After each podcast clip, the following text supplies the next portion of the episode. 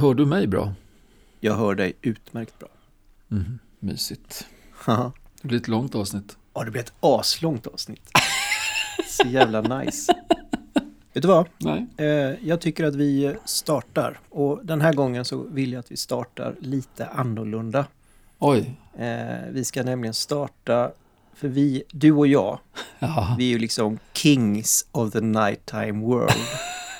Jajamän. Och det tycker jag ska märkas. Kör.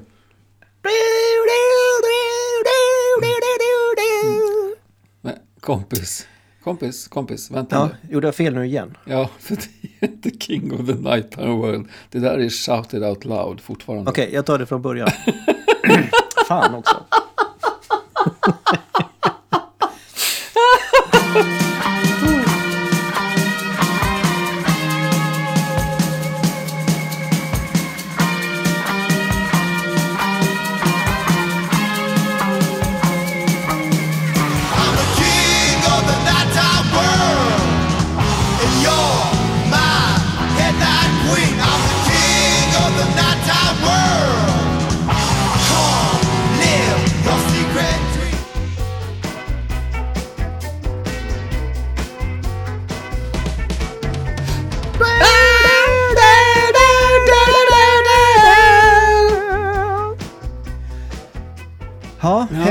Tjena! Välkomna Ja, igen. verkligen. till poddens X betydelse för Y.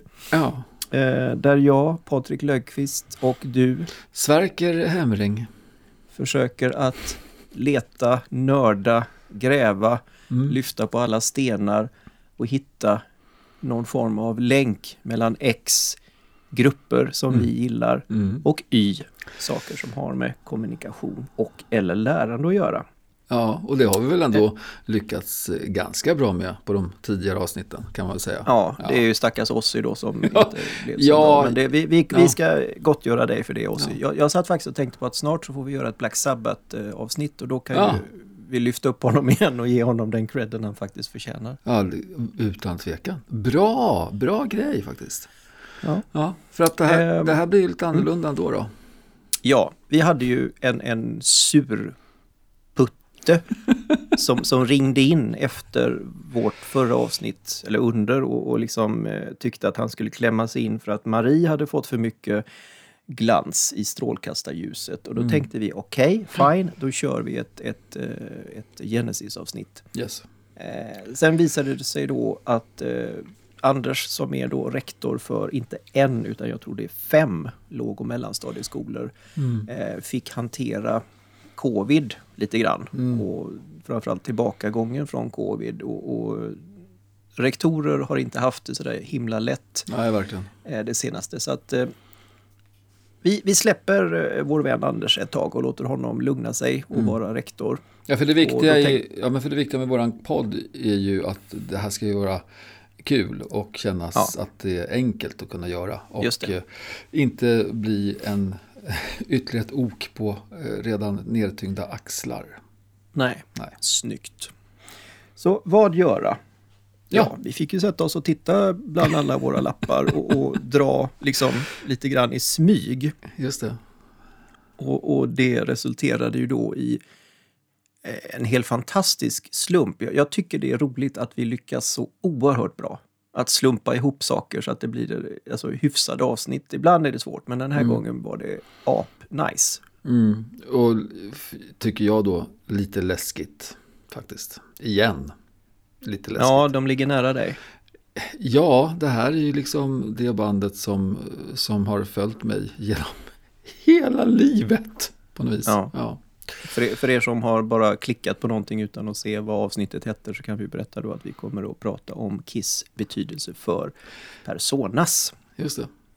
en Väldigt fin hopkoppling som det blev tack vare våran lilla slump. Alltså, Mm. för Personas är någonting som är just Kiss eh, någonstans. Ja, de är väldigt eh, personas. Mm, det är de. Eh, vad, vad, men alltså, vad är, vad är Kiss för dig? Eh, ja, Kiss är... Det är eh, mitt eh, musikaliska bottenplatta, skulle jag vilja säga.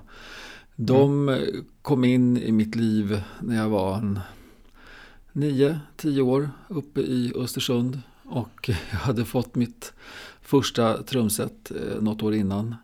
Och polaren Håkan Kling kommer och visar upp en, en platta med några utspökade människor som står i kostymer.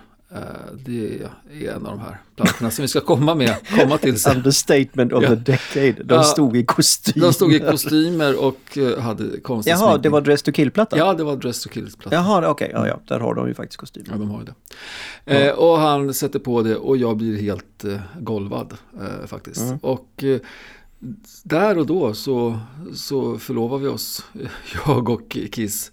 Och sen, Mm. sen har det varit på den vägen. Eh, har sett dem i princip alla gånger som de har varit i Sverige, utom faktiskt en gång. Eh, så att jag har hängt med dem från 1976 på Gröna Lund till de var här eh, senast också. Och nu ska de ju hit Mm. igen, är det tänkt i sommar. Då jag får se om jag ser dem Mm. då. Men nej, det är eh, för mig så, det, det är the band för mig. Mm.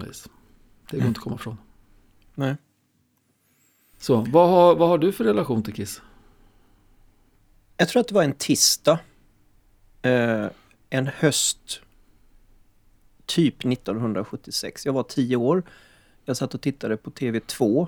För er som minns det på den tiden. Det lite mera röda kanalvalet.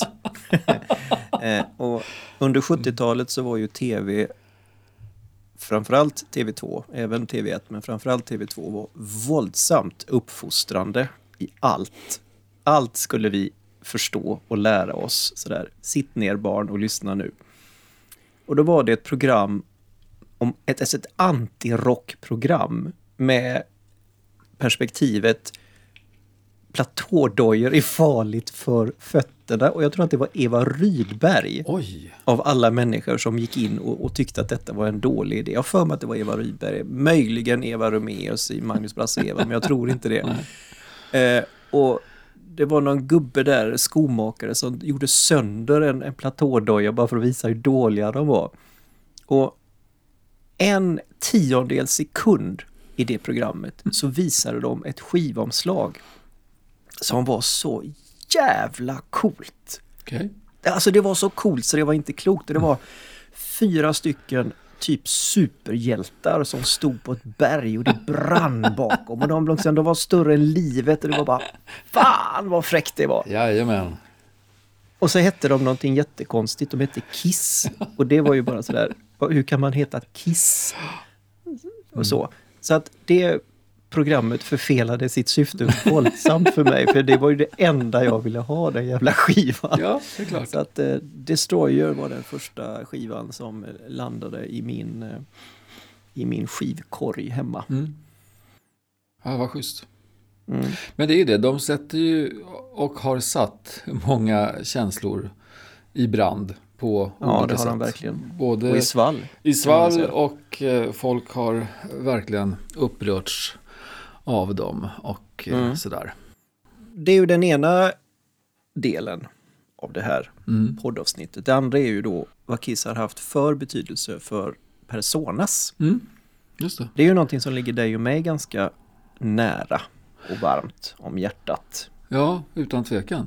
Det är ju liksom en av grundplåtarna i vårt kommunikationsarbete och faktiskt för mig också som, som lärare. Mm. Ska vi ta kort vad det är? Men det kan vi göra. Och eh, Mm. ja, varsågod. Ska jag ta den? Ja, det tycker jag. Eh, då kommer vi lägga upp det eh, som en teaterpjäs. eh, om personas, en förklaring i tre akter. Akt 1, den etymologiska versionen. Då är det så här. Personas kommer troligen, tror man, från det etruskiska ordet persu. Mm. Och det har ungefär samma person, eller betydelse som personas då. Och så kommer det från grekiskans eh, prosopon eller någonting sånt där. Och det är ju då egentligen, det har egentligen två betydelser. Mhm. Det ena är då att man tror att det kan betyda, man, alltså en liten koppling till de romerska och grekiska dramerna, för där hade de ju, de hade ju masker när de spelade. Ja, på teater i Grekland och Rom. Och de maskerna hade ofta en inbyggd liten megafon i sig. För att det var så stora teatrar så att de var tvungna att liksom nå ut och då var maskerna byggda som en liten, man hade en liten tratt. Och då, det latinska namnet av det här då är då ordagrant per sonare som då betyder genomljudande. Eh, Jävla bra ord. Ja, jättefint, jättefint ord Oerhört bra ord. Det är väldigt roligt med det här äh, att de hade som en liten inbyggd äh, mikrofon eller megafon när vi pratade om Ja. Kiss. För är det någonting de har framför sina ansikten hela tiden så är det mikrofoner för att liksom kunna höras och äh, så på ett väldigt fint Ja, sätt. och att de har också masker. Och att de har masker liksom- så att det var ju den Ja. fina kopplingen där. Ja, kul. Ja. Eh, vi går vidare. Ja. Akt 2. Den kommunikativa versionen. Personas används ju i marknadsföring Jajamän. och i reklam Ja. för att man skapar någon form av representant för en grupp då, eller en, ett kundsegment. Så Mm. att det företaget som ska kommunicera då vet vad man ska foka på. Så Precis. att ni som sitter och tittar på reklamfilmer ibland och tycker att den är helt värdelös, fullkomligt irrelevant och du inte fattar någonting. Ja. Då kan du glädjas åt att den är förmodligen inte till för dig. Just det. Exakt, de har exkluderat dig. Mm. Ja, man undrar ju direkt, liksom den här äh, Merci till exempel, vem vänder den sig till? Det är inte till mig i alla fall. Nej. Nej. fast ja, det är lite gött. Jag gillar den, äh, den äh, marsipanen, tycker jag. Jag mm. gillar den. Ja. Mm. Men jag, det är inte jag som köper den, det är någon annan. Det är såklart, för du går inte på reklam sådär. Nej, nej, nej. sen kan det då också vara när man då ska designa någonting. Ja, just det. Alltså, du, du ska göra ett eh, datorprogram. Mm. Så. Och du då som, samma du som inte tycker att reklamfilmer vänder sig till dig. Mm. Du som hatar datorprogram och tycker att det är så jävla puck-fuck-uppat och du fattar ingenting. Då är det någon som har misslyckats med att göra en persona och hitta på en användarupplevelse för att försöka att förstå hur dataprogrammet ska funka. Okej. Så att du som har köpt det slipper sitta och vara arg. Okej, Den, Mm. det var en liten intressant take på det hela. Ja. Och det, det är ju också webbsidor, spel. Mm. Spel är folk ofta jätteduktiga på att göra så att folk förstår dem. Mm. Och där använder man väldigt, väldigt mycket personas. Eh, den som kom på det här, eller gjorde mycket för användarupplevelser och personas, det är en Mm. gubbe som heter Alan Cooper och han skrev en bok 1998 eh, som heter eh, The Inmates Are Running the Asylum. Why High-Tech Products Drive Us Crazy and How to Restore the Sanity. Eh, Otroligt bra titel. Väldigt bra. Och i den boken så introducerade han Personas då. För han, Okej. han skriver typ om fiktiva karaktärer för att hjälpa till att lösa och förklara problem med design då. Alltså jag kan inte låta bli. Han heter Alan Cooper. Hade nästan kunnat varit Alice Cooper. Om man tänker på de här alltså, personas. allt hänger ihop. Ja, Allting hänger. Allt hänger Visst är det så? Ja, jag tänker ja, det. Ja, ja. Personas akt 3, Oj. rockversionen.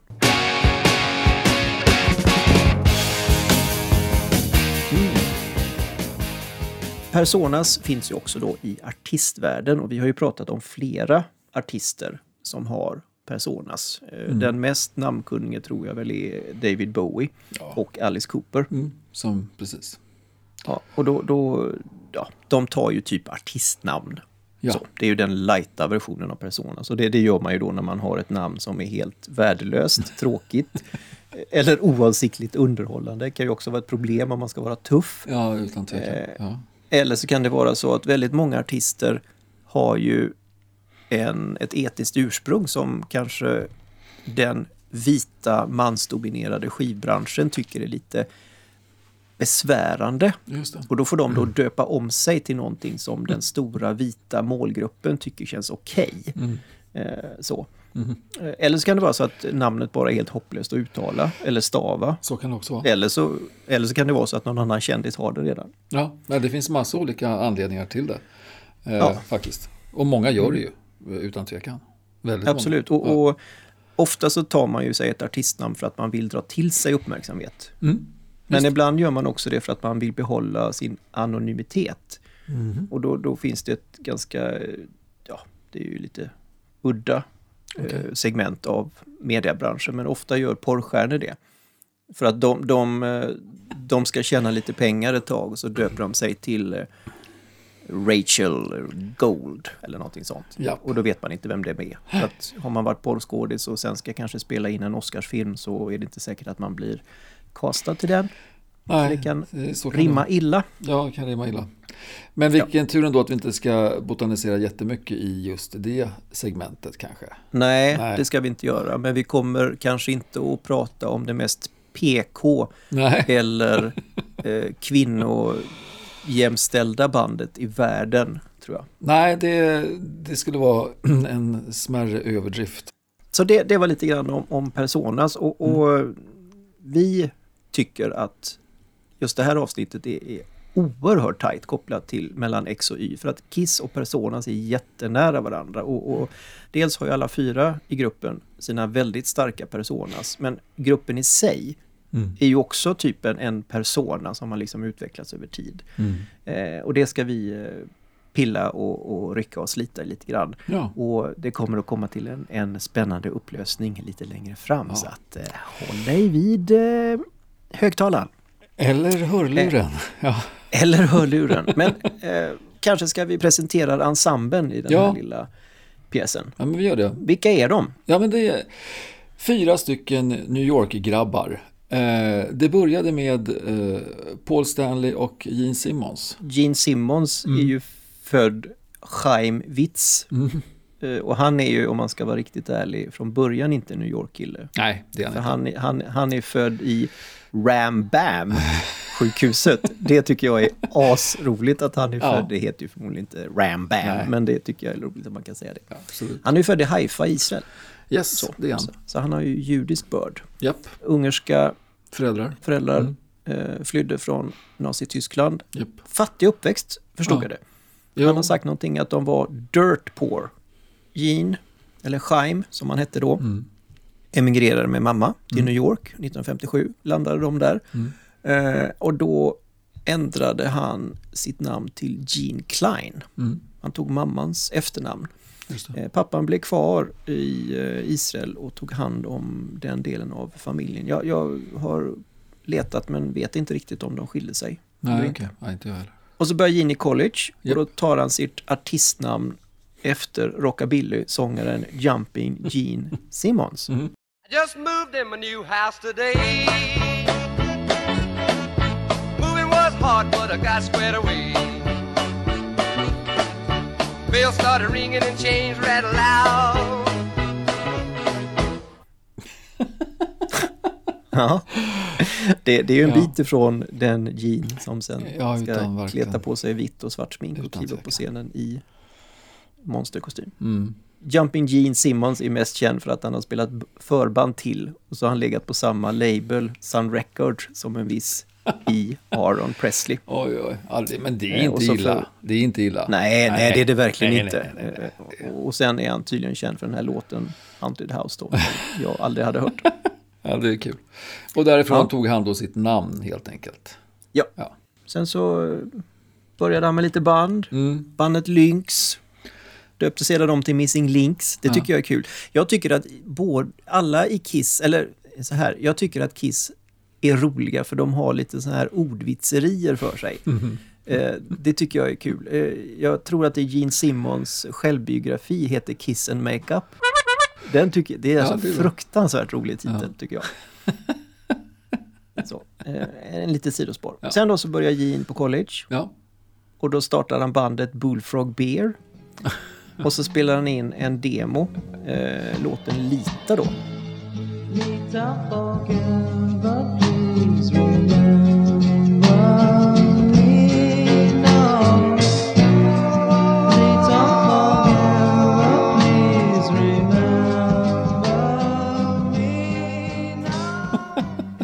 Ja. Så det, och det, ja, så det gick ju sådär, Mm. hörni. Eh, och sen då så, så träffar han en kille som heter Stanley Eisen och grundar Wicked Lester då, 1970. Precis. Och då spelade de in ett album som inte släpptes och när det inte släpptes så blev de sura. Och då försökte de sparka de andra bandmedlemmarna och så sa de Men ni kan inte sparka oss. Nej. Och då, då blev de sura och gick istället. Och så släppte de Wicked Lester och de släppte också kontrakt de hade med Epic Records. Så de Precis. gick därifrån. Och då istället så beslöt de då för att bilda vad de i intervjuer har sagt, The Ultimate Rock Band. Och Precis. så började de leta efter en trummis. Ja, nej för det är ju som så att den här Stanley Acen då som han som Gene slår sig ihop med. Det är ju, Ja. det är då sedermera Paul Stanley. Mm. Så han tar sig som sitt eh, efternamn eller sitt förnamn och lägger sist, eller som Ja. efternamn. Och eh, så tar han Paul istället. Som. För Stanley Bert Eisen, Ja, just det. det, det går inte. Nej. Och, och det är ju som så att hans föräldrar, de flydde ju också från eh, Nazityskland. Så att han har ju också Ja. ett eh, judiskt påbrå, eh, även om Ja. han inte är särskilt troende, eller har varit. Nej. Nej. Så. Eh, ja, nej men de var ju, de var ju ett par från, från början där. Med Mm. eh, Wicked eh, Lester. Och det är en del av deras eh, låtar på faktiskt första Kiss-skivan som, som kommer ifrån Wicked Lester-tiden. Mm. Det är, är lite kul ändå. Mm. Så då, som du sa, de skulle ha tag på en trummis här nu då tänkte de. Mm. Mm. Och då kommer vi till den lilla gangsten. Mm. Den italienska gangsten. Ja, Ja, pappan är från Salerno, Italien. mm, precis. Han växte upp i Brooklyn. Mm. George Peter John Criscuola. Yes, Eh, eller Peter Chris. som det blev. Ja, precis. Mm. Eh, han var barndomsmän faktiskt med Jerry Nolan i New York Dolls. Det är och faktiskt tycker jag är lite Ja. ball. Ja. Jag tycker också att det är apball att han studerade för Gene Krupa. Mm.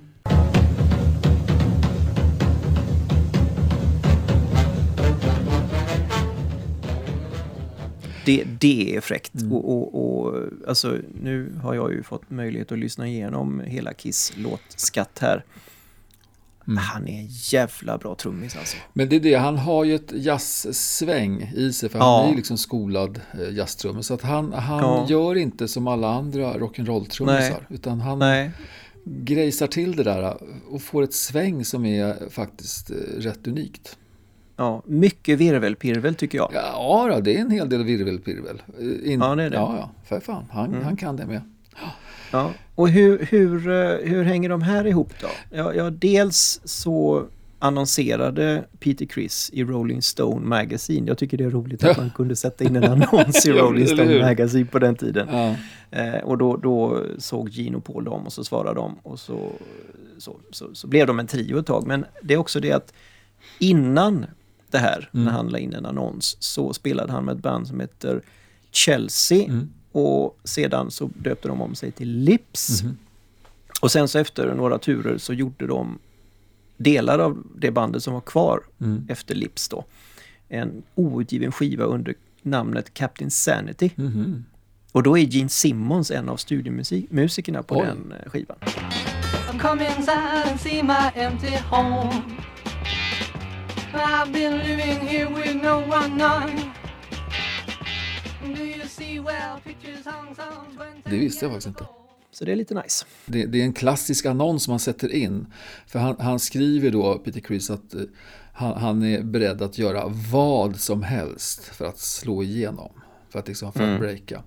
Och det är det som Gene Simmons eh, eh, fastnar för. Och sen finns det en annan sån här liten skrön om att det, det, när, när Peter Criss svarar när Gene Simmons ringer så frågar bara Gene Simmons, ja, ah, hur lång är du? Ja, då svarar Peter Criss att ja, men han är typ lite grann över 1,80 och bara ah, okej, då är du med.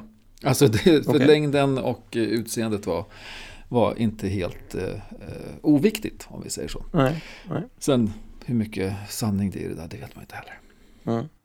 Och han är ju då katten i den här gruppen då. Ja, han älskar katter. Mm. Men nu var de ju en trio. Eh, Mm. Gjorde en massa låtar. Eh, Paul Stanley och Gene, de skrev ju låtar hela tiden. Men de behövde ju en till kille, en till gitarrist. Ja, för man kan ju säga mycket om Paul Stanley, men han är ju inte gudabenådad strängkliare kan jag tycka. Han är, väl, han är väl bättre som låtskrivare kanske än som, som virtuos på strängarna. Så de Ja. sätter in en annons eh, att de vill ha tag på en, en till gitarrist. Och Mm. eh, då dyker det upp en till Paul. Fast han, Mm. han, jag vet aldrig ens om han kallades för Paul. Men han heter egentligen då Paul Daniel Frelly. Mm. Eh, men eh, lystrar ju då till förnamnet Ace istället. Mm. Och eh, han hade lite konstnärligt påbrå. Eh, gillade att hålla på med lite grafiska saker och Mm. sådär. Eh, och han gör ju en lite, liten succé direkt när han kommer in på den här auditionen. För att han har ju en orange doja och en röd doja på sig. Mm. Ja, det, det, det fångade liksom de andra grabbarnas intresse. Mm. Så, eh, så att... eh. Sen hade han gigget. Ja, han var ju tvungen att spela lite grann också. Eh, men det, det, det fäste. De, Ja. de gillar varandra. ja. Mm. Initialt i alla fall. Ja, ja, jo, ja, Eh, men det, det kommer ändra Som sig. det kommer att visa sig. Ja, det, ja, det kommer att ändra sig. Det kommer säga. Men nu hade vi då våran kvartett. Ja, Nu var de där. de är färdiga och eh, Mm. Men och vad, vi har pratat om de andra grabbarnas sminkning. Eh, Ace Mm. Frehley. Han, han gillar ju det här med rymd och stjärnor. Så att eh, han gör en som en silvrig eh, stjärna fast över båda ögonen kan man säga. mm. Med, ja, till skillnad från Paul Stanley då, som bara har en svart stjärna över sitt högra öga. Så de är redo att lägga världen för sina fötter. Ja, men precis. Mm. Eh, och har då ett eh, gäng låtar. Och eh, de börjar ju med att spela eh, på olika ställen. De är ju inte, de är inte sminkade från allra första början, men det kommer de till ganska fort. Att de, de, behöv, de vill göra någonting speciellt. Mm. De vill sätta en annan ton än bara ha bara vara ett band som lirar låtar, utan här ska man bjussa på lite mer. Mm. Eh, Paul Stanley har ju faktiskt en helt annan sminkning från början. The Lone Ranger tror jag man kallar den för. Mm. Han sminkade hela ansiktet rött också. Nej men de, de, det är en kille som upptäcker dem och det är ju en, eh, ett, ett nystartat bolag, Casablanca, av, Mm. han heter Neil Bogart som det. har det bolaget. Och eh, som faktiskt första band så signar han Kiss. Mm. Och eh, De kommer ju, han kommer ju bli oerhört viktig för dem. oerhört viktig, alltså Ja. verkligen. Mm. Eh, och Casablanca Records är viktiga för det, det var, de, de var verkligen synonymer under flera, flera år. Ja. Men då tar de sig in med eh, Mm. ett gäng låtar och gör första plattan 1974.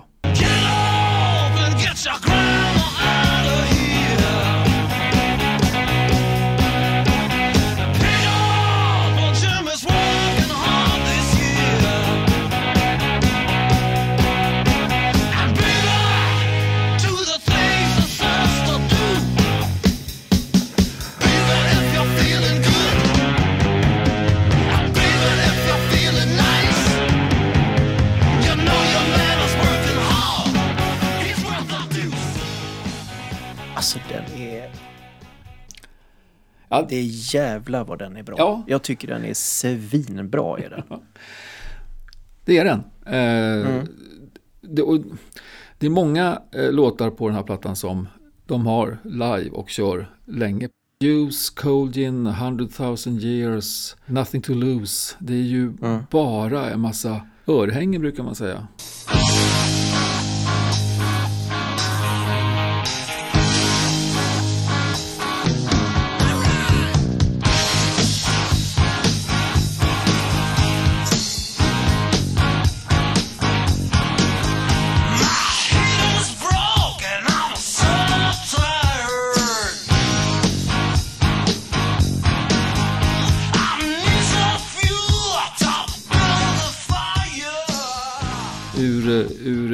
Kiss-perspektiv, eller faktiskt rockperspektiv, så är det väldigt många bra låtar på deras första platta. Mm. Eh, mm. Och, och ska man då kolla på, vad ska man säga, personan Kiss Mm. uttryckt genom albumens omslag Mm. så, så är det ju, alltså redan här är det ju jätte, jättetydligt. De jobbar med kontraster. Alltså Kiss, eh, Kiss-namnet står väldigt, väldigt glammigt i något sånt här glitter. eh, eh, Strass liksom. något vis. typsnitt. Ja, strass, exakt. Och, och lite kul också att de, eh, de försöker efterlikna Beatles eh, första skiva With the Beatles från 63. De står Ja, på ungefär det. eh, samma sätt. Ja, ja, ja. De är ganska lika där. Så. Eh, och, och, och jag tycker redan nu så kan man också se att Gene vill gärna synas mest. Ja, och man ska på något vis förstå att han låter väldigt mycket också. Eftersom han Ja, står där och har en uppsparrad mun liksom. ja. Mm. Eh, tungan har ännu inte Nej. ramlat ut. Nej, den kommer lite senare. Eh, ja, det gör den redan i album nummer två, Ja. som också släpps 1974. Eh, Mm. Hotter than hell. Mm. Men för det är ju som så, de har ju mycket låtar. För de har ju hållit på eh, drygt ett år, kanske till och med Mm. två år, innan Ja. de började spela in. Och det, det här har vi Mm. pratat om med, med andra band också. Led Zeppelin gjorde också, var, var, de var produktiva första åren. Väldigt Mm. mycket. Och det var inte minst Kiss. Eh, som får ur sig Hot Than Hell. Som inte heller är någon dålig platta. Däremot Nej, ljudmässigt, båda de här två, första och andra skivan. Nej, alltså det är ju inte något jättetufft ljud. Liksom. Ljudbilden är ganska skral skulle jag vilja säga. ja, det är ju herrarna Kenny Kerner och Richie Wise som har proddat bägge de här. Ja, Vet inte om de har blivit invalda i eh, Rock'n'Roll Producers Hall of Fame, men jag tror inte det. Nej, det skulle förvåna mig mycket. Men eh, Ja, visst, de har inte fått någon stjärna på Hollywood Boulevard i alla fall vad jag vet. nej. Hotter than Hell tycker jag är det otäckaste albumet av dem alla. Okej. Fruktansvärt otäckt album. Jaha. Alltså jag, jag tycker det är så galet otäckt foto. Okej. Särskilt på eh, Gene Simmons. Jag har aldrig sett honom så jävla vicious som han ser ut där. Nej. Eh, och, och här är det också, det svänger liksom i hockey Mm. och hos Kiss. Mm. För det- här är ju något helt annorlunda. Manga-inspirerat, massa japanska tecken. Mm. Det var en, eh, han som har gjort det heter eh, John Van Hammersfeld. Okej. Mm. Han har gjort typ 300 omslag. Ja, ja, ja. Bland annat Exile on Main Street och Magical Mystery Tour har Oj, gjort. kul. Ja. Ja. Om, man sk- om man skulle välja en låt här, Mm. Sverker, vilken skulle vi ta då? Ja, då väljer jag utan tvekan Parasite.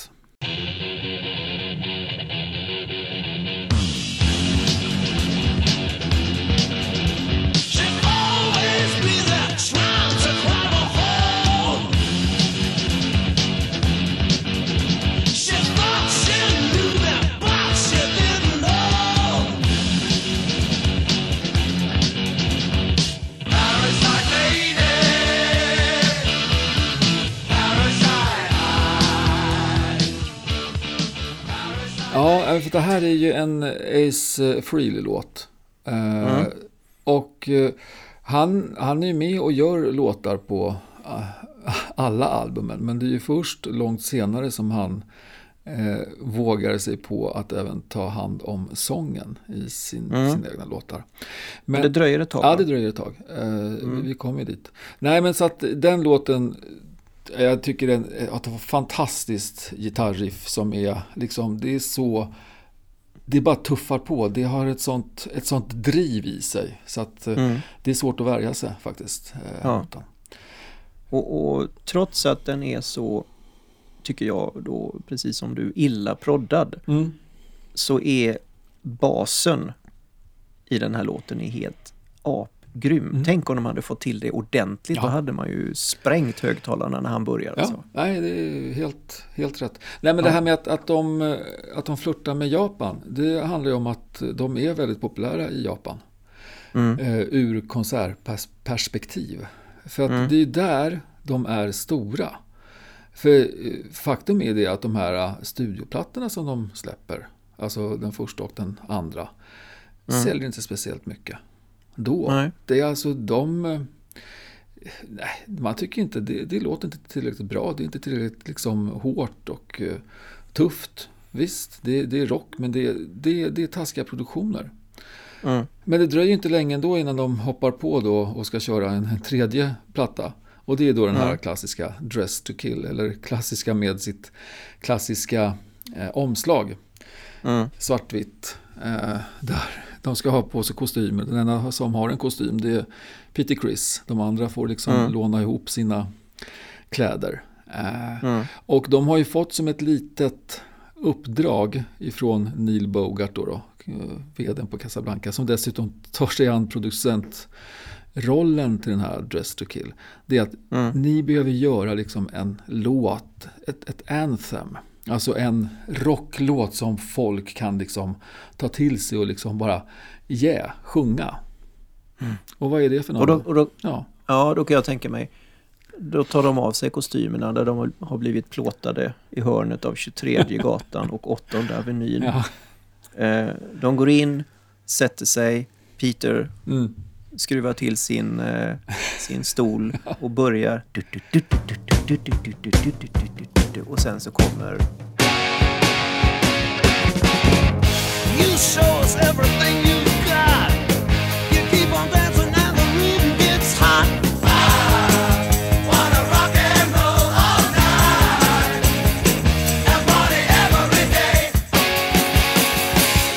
Är, det, är detta en Ace Frehley-låt också förresten? Nej, det här, eh, alltså Rock'n'Roll All Night som vi nu pratar om då, det är Ja. en Stanley och Simmons låt. Okej. Den skriver de ihop. För det gör de. Ja. I första tre plattorna så skriver de faktiskt en hel del låtar ihop. Och, och det här är Ja. en av dem som de gör det.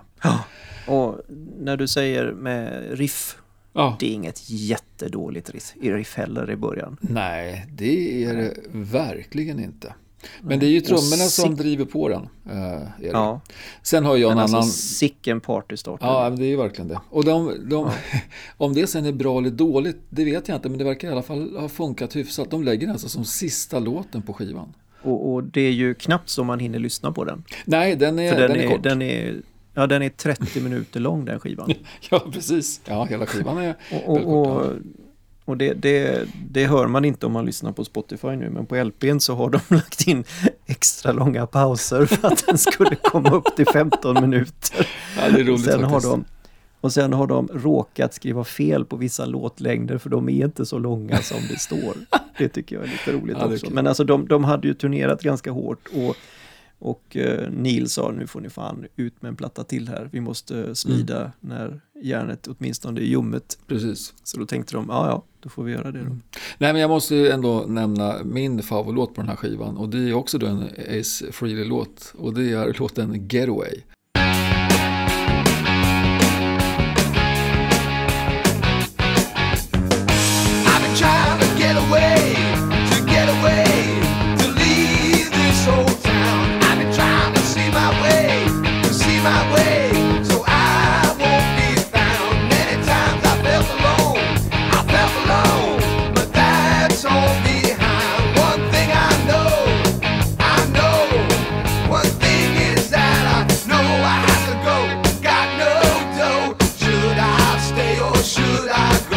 Den sjungs då av, av Peter Chris. Eh, som jag, jag tycker är extra roligt.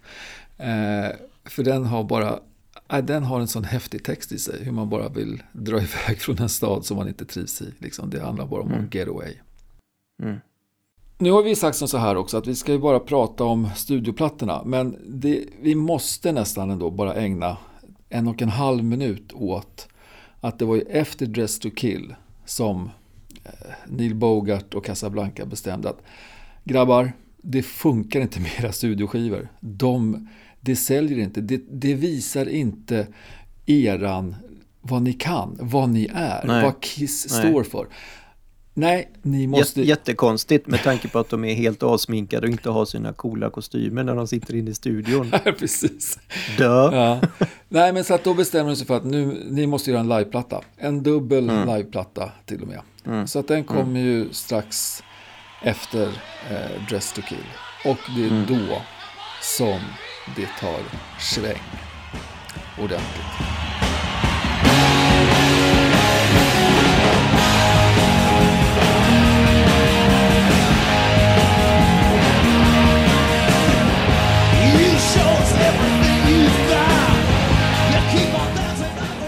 Vilket jag tycker är helt makalöst. För att på den tiden, det har vi pratat om flera gånger, så gick man runt i skivaffärerna och tittade i skivbackar. Och omslaget till Alive 1, det är så mesigt så att det, det, alltså de hade kunnat ha ett, ett vykort ifrån Östersunds skidbacke på sommaren. Alltså det är helt värdelöst. Det är så fruktansvärt B. Mm. De har alla möjligheter i världen att göra någonting sånt där. Wow! Och så tar de något sånt där bara. Va- Varför, var, varför tog de inte en bild från en konsert? Varför har de gjort en jävla studiofoto på dem? Nej, jag, jag vet faktiskt inte, men då, man får ju med lite extra i det där eh, dubbelplattan ändå. Du får en liten, en liten bilderbok eh, liksom med eh, ganska coola bilder på var och en i bandet och sen är det ett snyggt uppslag med där man ser liksom rökbomber och hela tjobanget. Och så på baksidan så är det ju rätt roligt. Då är det ju från en, en konsertarena, men då är det publiken. Och så är det några grabbar som håller upp eh, egenhändigt målade liksom Kiss-ansikten. Eh, där. Ja. Men hur som helst, här är det ju en helt annan ljudbild. Här, får, här, här känner du ju vad Kiss är för någonting. Så, så nu, är de, nu är de stora. Mm. Och det är nu vi kommer in till plattan som du köpte först av alla.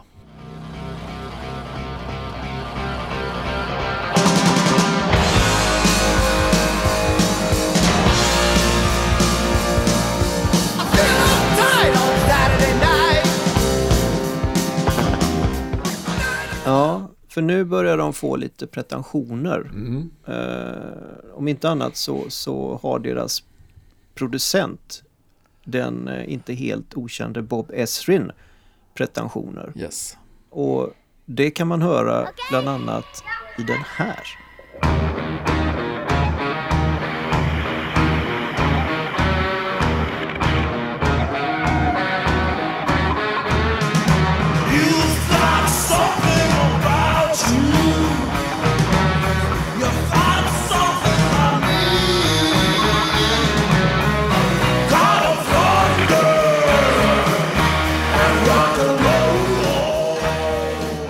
Den här är ju väldigt, väldigt rolig därför att när jag var liten så, så trodde jag att de här, det, det är väl, är det Gene Simmons pojke som eh, pratar här? Nej, det är, det är faktiskt Bob Esrins son som pratar. Det är Bob S, förlåt, det är Bob Esrins son.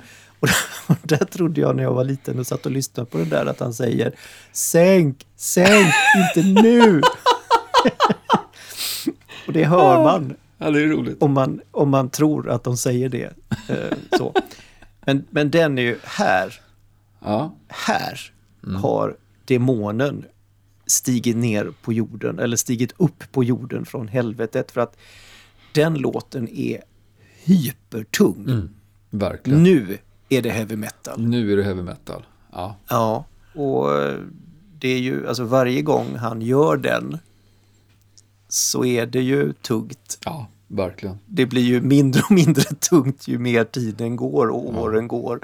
Men det är, jag tycker fortfarande det är lite tufft. Ja, det är tufft. Och det, det är att, en liten rolighet i det hela, det är det att det är inte Gene Simon som har skrivit den här låten, utan det är Paul Stanley. Ja. Så att på, på demon av den här så är det Paul Stanley som sjunger. Men Bob Esrin fattar direkt att när, när lilla gubben, Släpp det. Den, där får du lira lite kompgitarr på. Vi kan ju inte låta God of Thunder inte sjunga God of Thunder. Det går inte. Nej, det går Nej. inte. Nej. Nej, men sen, det är som du säger, alltså plattan heter Destroyer, det har vi redan sagt. De kom, den kom 76. Mm. Eh, och eh, det, det är en helt annan ljudbild. Om man jämför med de tre första studioplattorna så det här är ju verkligen någonting helt annat. Men Bob Esrin har vi pratat om tidigare. Eh, han producerade ju Alice Cooper bland annat. Eh, och proddat en massa andra band. Så att han har ju eh, inte bara visioner om hur någonting ska låta. Han kan också få det att låta så. Han är en jäkel på det här med konsertarrangemang och liksom får det att bli stort. Och liksom, han plågar ju de här killarna. Det är aldrig någon som har riktigt brytt sig om att Nej, men nu jäklar, nu ska vi testa vad, vad klarar ni av för någonting. Alltså Detroit Rock City som inleder den här plattan. Peter Chris trumlir där. Alltså det är inte att leka med. Nej, det är vansinnigt bra. Ja, Nu spelade vi inte det här långa introt för det, det har vi inte tid med. Men det är också sådär, han gör verkligen teater av detta. Han, han berättar en story. Mm. Jag tror att de här pojkarna som nu börjar bli lite kaxiga och styva i korken. Det är bra att man har en producent som säger Ni slutar fan inte spela för jag säger till.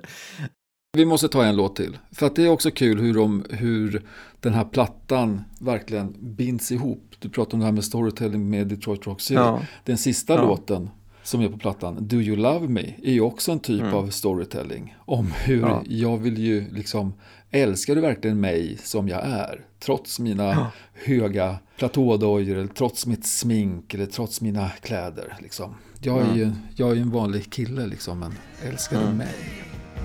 You like a credit card and private planes. Money can't really take you far. You like the hotels and fancy clothes and the sound of electric guitars. But do you love me?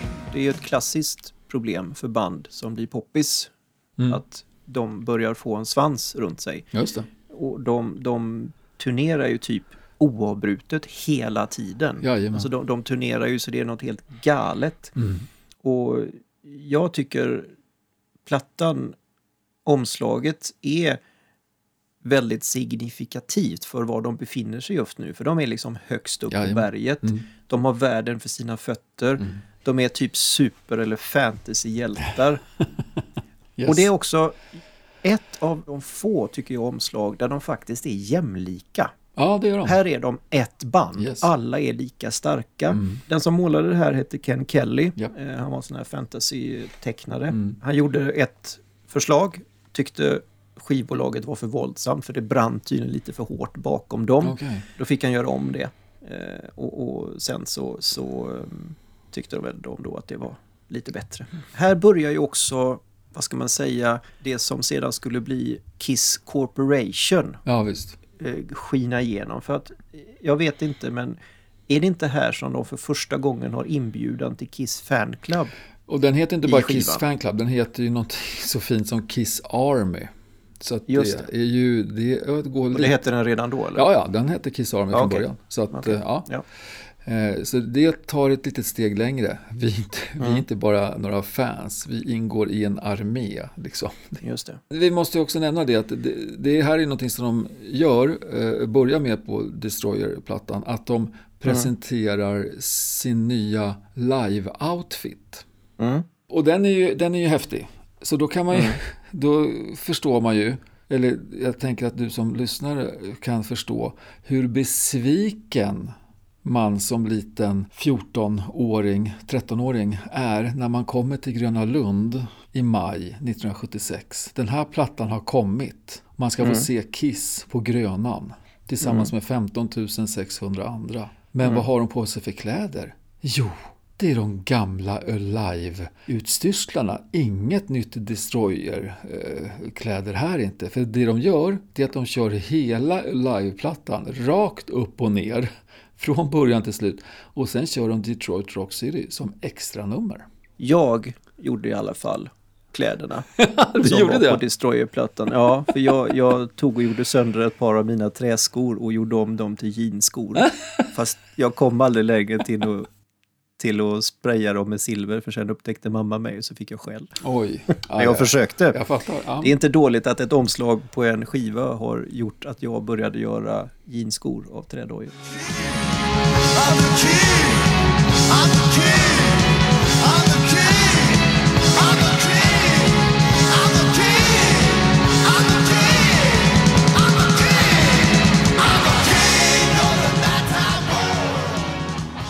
1976 är mm. ju ett stort år mm. i musikhistorien. Mm. Inte sådär jättemycket händer på hårdrocksområdet måste jag säga. Men för Kiss så tuffade det på. För de släpper ett album till. Ja, det gör de. Rock'n'roll over. Och nu har de bytt producent. Nu är det Eddie Kramer Ja. som eh, rattar Ja. spakarna. Och Eddie Kramer är faktiskt en producent som, som Kiss-gänget själva hade egentligen bett att de skulle eh, få eh, ha som producent tidigare. Just det, han hade inte tid va? Nej, det, det, det, blev, det var någonting som strulade till. Jag undrar om inte han jobbade med Led Zeppelin faktiskt. Jaha. eller någon annan kändis. Han är med och proddar eh, Live 1, alltså första live-dubbelplattan. Är han med och producerar. Mhm. Och så. Men här får han i alla fall komma in till Rock'n'Roll Mm. Over. Eh, Mm. mm. Så hur, hur, har, hur har deras persona utvecklats till den här plattan, tycker du? Alltså de söker ju så mycket, de, de ändrar sig och jag tror att de ligger hela tiden med örat mot rälsen Mm. för att kolla liksom vad, vad har vi? Eh, för nu är det ju väldigt grafiskt. Yes. Väldigt grafiskt, alltså det, det är sådär hyperavskalat. Michael Dorrit heter han som har gjort eh, omslaget och han har gjort väldigt, väldigt, väldigt mycket amerikansk 40 och 50-tals grafik. Och här kan man också se en mycket tydligare markering av personasarnas identitet. alltså Paul Stanley har eh, vingar, eh, eh, Peter Criss har kattögon. Jajamän. Första gången som han faktiskt får skina igenom. Mm. Här är de inte alls jämlika. Här tycker jag det är en jättetydlig det värdering. alltså? Med, ja, det Jaha. tycker jag. Ja, men Paul, Paul och, Gene är ju högst upp. Ja, De andra är längst ner. Mm. Men det beror ju i och för sig Ja. på hur, hur du håller plattan också. Mm, Visst, det utgår ju från vart du öppnar, liksom vart du har öppningen om du är högerhänt. Mm. Men är du vänsterhänt, då är, har du eftersom den är ju, den är ju grafisk så att de är ju varsitt hörn liksom. Mm. Nu är ju nio av tio, säger Ja. vetenskapen, högerhänta. Ja, men du tillhör den, där, den där sista tiondelen där, Patrik. Ja, och ändå tycker jag att det är Gene och Paul som är bäst. Jag fattar, men jag, jag, för det roliga är att jag har inte tänkt på det så alls. Nej. Eh, inte ens när jag köpte den. Jag tyckte bara att det var, det var häftigt gjort. Dessutom, Peter Criss, alltså min trummis, han hade ju hörntänder. Liksom. Ja, och kattögon. Ja, kattögon. jättefräckt. Jättehäftigt. Och det, det är också, det finns en rolig Patriks eh, förflutna anekdot om det här. Mm. Jag önskade ju mig den här skivan mer än något annat när jag fyllde år. Just det. Och min snälle morbror åker iväg ner till Weideles skivbutik och införskaffar den här. Eh, Det är bara det att mamman har på något sätt hört fel. Så han köper inte Rock'n'Roll Over utan han köper Rock'n'Roll Over the World.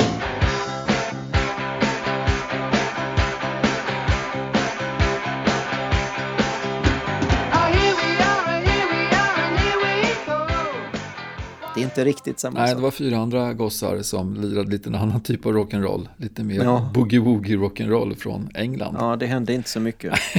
Nej, det var inte så mycket eldsprutande eller blodsspillande där inte. Eller rökbomber Mm. heller för den delen. Nej.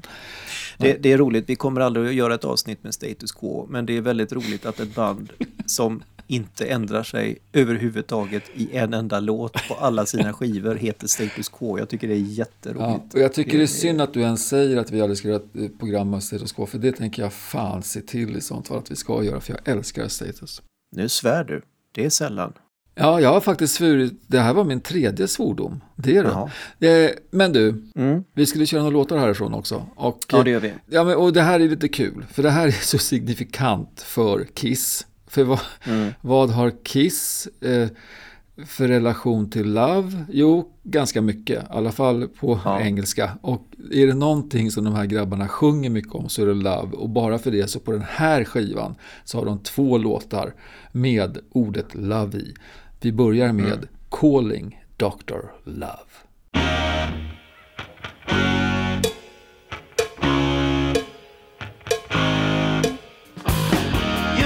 My love, baby, oh so bad.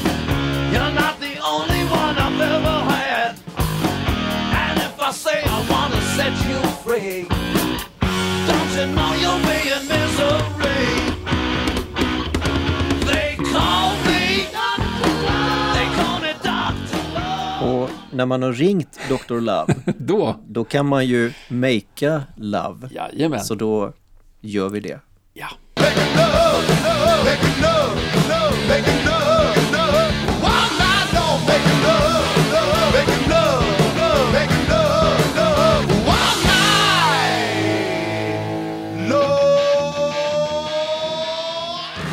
Det, det, det är ju väldigt, tror jag, tydligt så att det är inte så mycket kärlek Nej, som de sjunger om. nej. om man Det ska är, mer, riktigt det är mer...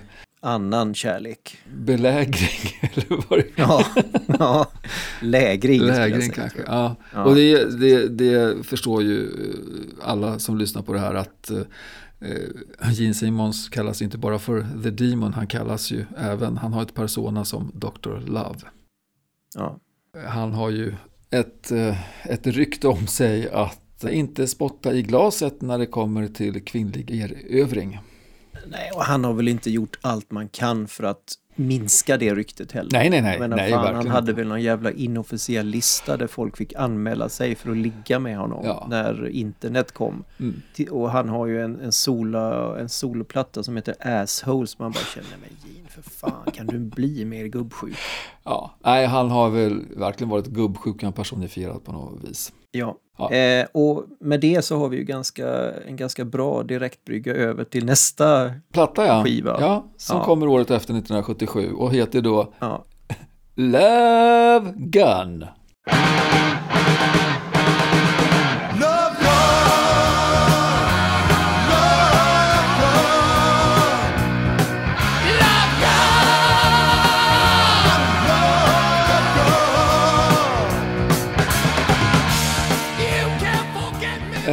ja, men här kommer vi då till den här skivan där Ace Frehley äntligen tar eh, plektrumet från munnen. ja. Faktiskt eh, tar och sjunger på sin... Det är väldigt roligt att ta plektrumet från munnen tycker jag. Det är kul. Det är bra. Äntligen tog han plektrumet från munnen. Det är ett ordspråk tycker jag. ja, tack. Det, det här är, vi är folkbildande och kommer på nya ordspråk. Bra, Ja, jag gillar det. Nej, men här, här eh, sjunger han sin eh, egenhändigt komponerade låt Shock Me.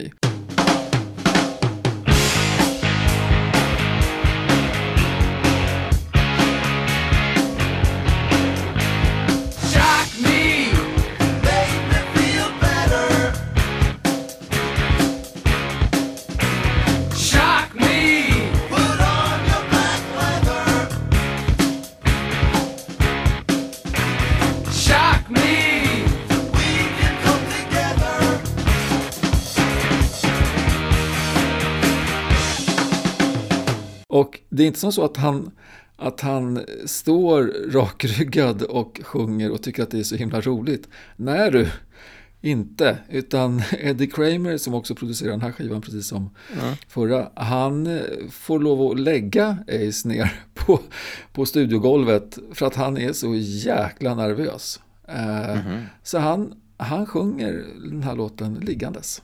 Hur utvecklas bandet rent uttrycksmässigt grafiskt då? Ja, Ken Kelly tillbaka. Yes! Eh, han får göra det här omslaget också Mm. eftersom han var så duktig med Destroyer. Mm. Det var faktiskt Peter Criss som upptäckte honom. Jaha, oj. Ja, Mm. eh, man kan ju tro att alla de här grabbarna var tuffa. Mm. Och det var de också. De läste nämligen tuffa serietidningar. Ja. Men Peter Criss, han, han läste de tuffaste för han läste Creep och Eerie. Det var så här skräckserier. Oh. Och Paul, de höll på att larva sig med Marvel bara. Mm. Men även här då kan jag se eh, nu, det är en tydlig skillnad mellan och Paul å ena sidan och Peter och Ace på andra sidan. Okej, berätta. För och Paul, de är lite längre fram. Jaha. Det är lite mera fokus på dem, även om man kan se Ace som står ute till kanten. Han är väldigt ljus, men han står bakom. Okej, ja. Och Peter är väldigt mycket i skugga. Så det är jättetydligt att nu är det lite mera och Paul som äger bordet. Liksom. Mm. Och sen är det naturligtvis sex och det är sex och det är sex och det är 10 000 trånande kvinnor i typ någon kissmundering som sitter och bara tycker Gud vad de här killarna är bra. ja. Nej, men det är, Lite trist. alltså det, är- Men, det är eh, så sexistiskt och det är, alltså det är så, eh, nej. Och sen då så har de ju då också börjat med Kiss Merchandise. Så att det Ja, finns visst. en liten beställningstalong där om man vill köpa Kiss-prylar. Nej, men, och även här då så presenterar de den nya turnérstyrseln. Mm. Eh, Men även om det är Ken Kelly som har gjort det så jag tycker det är en sån stor skillnad på liksom kvaliteten på eh, målning på det här och på Mm. Destroyer. Destroyer har liksom en detaljrikedom som är väsensskild jämfört med Love Gun-plattan. Vi nämnde tidigare att det hände mycket på musikfronten 1976 men kanske inte sådär jätte, jättemycket på rockområdet. Ja, det. Och ett av de sakerna som hände jätte, jättemycket Mhm. var ju att diskon slog Ja, igenom. visst. och det påverkar ju också nästa skiva. Väldigt mycket. Som då släpps 1979 och det är faktiskt Mm. den första skivan som inte som tar längre än ett år. Ja, just det. Emellan att de kommer, ja. Mm. Ja, Absolut. Men det har väl sina lite randiga och rutiga orsaker. För att eh, nu är det lite, det är lite skvalp i kissbägaren kan man säga. De, ja det är lite stelt va? ja, Lite frostigt lite på sina frostigt. håll. För det finns ju två eh, av grabbarna som gillar eh, andra saker än att bara vara ute och musicera eller skriva låtar. Alltså som har med eh, dåliga omdömen att göra. Alltså typ väldigt mycket alkohol eller väldigt mycket droger. Eh, och det här har ju, det är inget nytt i, i Kiss-världen. Eh, alltså inom, inom Kiss, utan det här har ju pågått ett tag. Men nu är det ännu mycket tydligare. Men det är ju som så också faktiskt, att efter Love Gun-plattan så gör de ju en dubbelplatta. Kiss Live 2. Eh, Och på den så är det, det är också en dubbelskiva, men det är bara tre av sidorna som är, vi pratar ju LP-vänner, det är bara tre av sidorna som är live. Den fjärde sidan är eh, inspelad, alltså nya låtar. Så att eh, det är för att de ja, ger sig själva en liten break på något vis. och så. Eh, och sen kommer de ju då med eh, Dynasty. Och nu Mm. har man ju schismen. Det fattar inte vi då, vi ungdomar som köper de här skivorna. Men det har man fått lära sig i efterhand. Att på den här plattan så är det ju inte bara de här fyra medlemmarna som spelar. Utan det finns ju andra människor som lirar också. Mm. Yes. Men Peter Criss lirar ju bara på en låt. Ja, han lirar bara på den. Hans egen. Ja, hans egen. Dirty Living. ja. Ja. Annars så är det då Ja. Anton Figg som är Mm. en trummis som Ace Frehley känner som lirar Mm. på alla andra låtar. Och här kan man ju då också se och Paul överst, Japp. Ace och Peter underst. Yes. Och alla ni som tror att det här är en gruppbild för att de här killarna är så kompisar, tänk igen. Det är ett jättedåligt fotomontage, men man tänker inte på det. Nej. I övrigt så tycker jag att skivan är uppbyggd ungefär på samma sätt som Rock'n'Roll Over. Mm. Eh, Man ser tydligt vem som är boss över bandet nu. Och jag kan tänka mig också som så här, de är ju apstora nu Mm. Och det är ju Gene och Paul som bestämmer, Ja. det är mamma och pappa. Mm.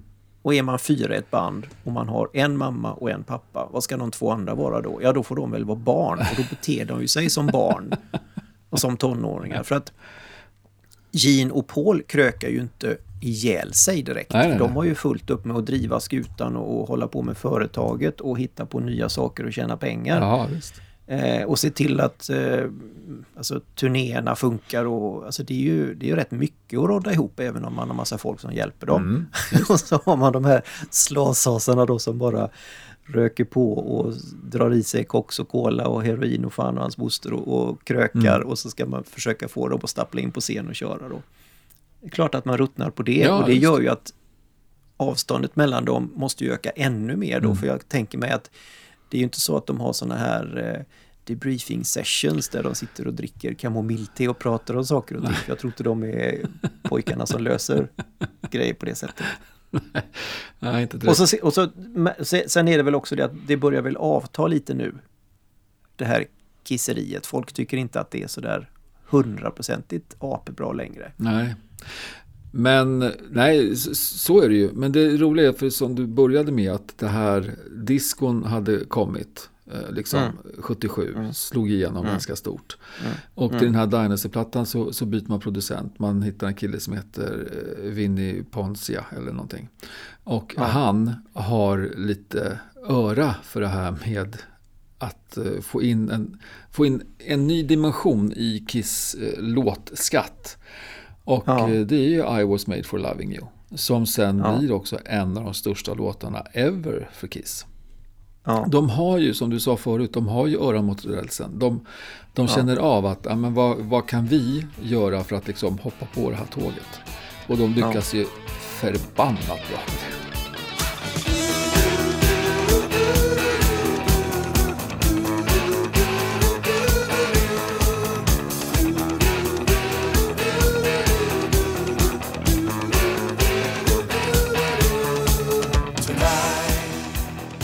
Ja, och de har ju också det här att nej men det här är vi alldeles för fina för. Det har de inte. Det finns överhuvudtaget inte hos dem. Nej, nej, nej. Nej. För att annars, annars sätter man sig inte när någon säger men vi kan väl göra en liten discodänga. Mm, ja, precis. Fast lite rock. Ja. Nej, men det är, det, här- det, det är ju ett företag nu och det är en mångmiljonindustri. Och vi har, Ja, vi har två affärsmän här i, i Ja. det här bandet. Och vi har två slashasar. Knarkare. Ja, precis. Så att, eh, ja, det är lite... Det är spännande. Och sen de har ju också här till, till Dynasty-turnén så har de nya, nya styrs, utstyrslar. Men eh, Mm. jag kommer inte ens ihåg om de har dem på baksidan på skivan. Det kanske de har. Men eh, det är lite mer, det är lite större, det är lite mer voluminöst eh, och lite mer färggrant skulle man kunna säga. Ja. Mm. Är det här de har fjädrar och grejer? Eh, mm, ja, det är det väl va? Alltså Gene Simmons har i alla fall en stor röd cap och Ace Frehley har stort V liksom. Med en stor ma- silvrig mantel och ja, Paul Stanley har väl, jo men han har väl de här svarta fjädrarna som han sen tar av sig efter någon, någon inledningslåt kanske när de kör live. Är det här de har, är det här de har gjort en sån här eh, foto där de står i snö? Är det från denna eh, perioden? Nej, jag tror faktiskt att det är tidigare. Jag tror att det är tidigare. När de är, det är nog Love Gun tror jag.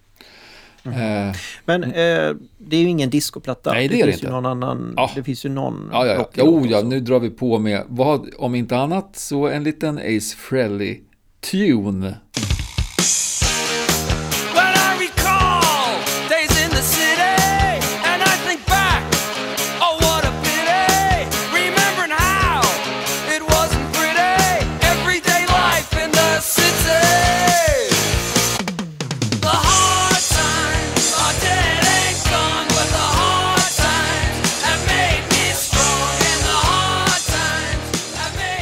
Och det är kul att eh, den här låten heter Hard Times. Ja. För att nu är det lite mera Hard Det är Times. lite mer hard times inne i bandet. Och det blir inte bättre, kan vi säga.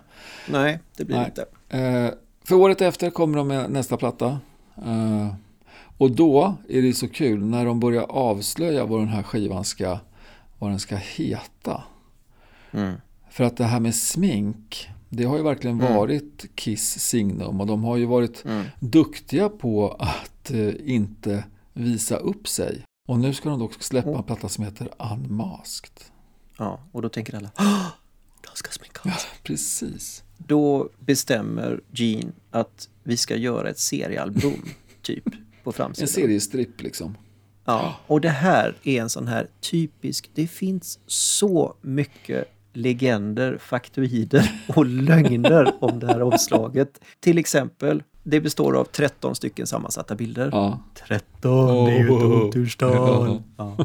Eh, storyn är då, fans och media försöker ju se männen bakom maskerna då. Japp. Och i upplösningsbilden längst ner i mitten i slutet så tar Kiss av sig maskerna och de har masker under maskerna! Nej, det är ju deras så- riktiga ansikten!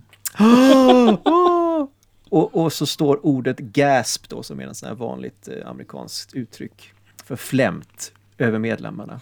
Och där är det de som har kollat och sett att G är över Gene, A är över Ace, P är över Paul, men S är över Peter. Och då tänker man att Gene, det är ju G, Ace är A, P är Paul, men S, det är stupid. Ja, Så alltså det GASP står för Gene, Ace, Stupid och Paul.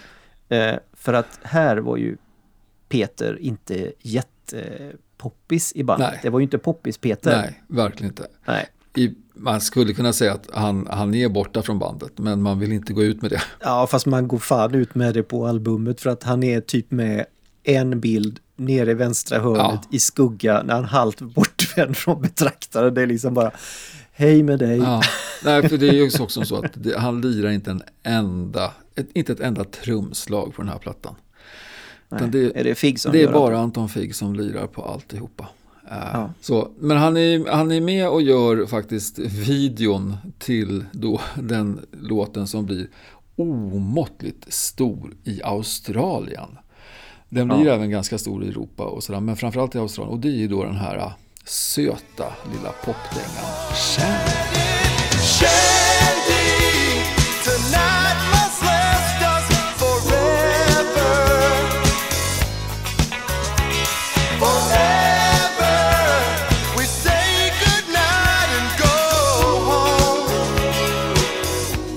Det måste jag säga. Jag har inte lyssnat speciellt mycket på Unmasked. Nej. Men när jag hörde Shandy så tänkte jag, nej, Kiss. Nej. det här är väl ändå inte Kiss. Oh, det är ju Det här är Kiss. Ja, verkligen. Ice är detta. Ja. Men Jag gillar den inte. Nej, det gör inte jag heller. Men då är det ju sån, det är tur då att vi har liksom en, en rock'n'roll-kille i bandet som är en strängbändare. Eh, som, som kan sin sak. Och det är ju Ace Frehley. Och han eh, levererar tre låtar tror jag till den här plattan. Och vi kan lyssna på en av dem som är en helt annan klass.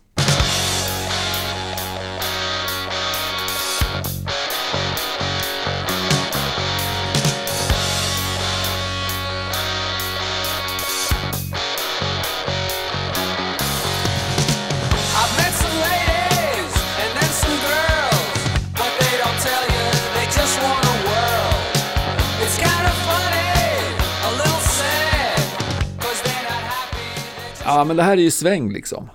Eh, Det är sväng. Ja, det är sväng. Och det är rock'n'roll-sväng. Och det är Ace Frehley. Och nu, har han ju, nu sjunger han ju. Liksom alla låtar som Ja. han är med och, och gör eh, nu så tar han lead på det. Liksom. Ja. Och Peter Criss säger vi tack och adjö till. Ja. Och han... Eh, det är ju lite spoilervarning, men det vet ni säkert att han kommer ju inte dyka upp igen förrän på ett Kisskonvent 95. Just det. 15 år framåt i tiden. Ja, Och det tänker vi faktiskt hålla lite er på halster med. mm.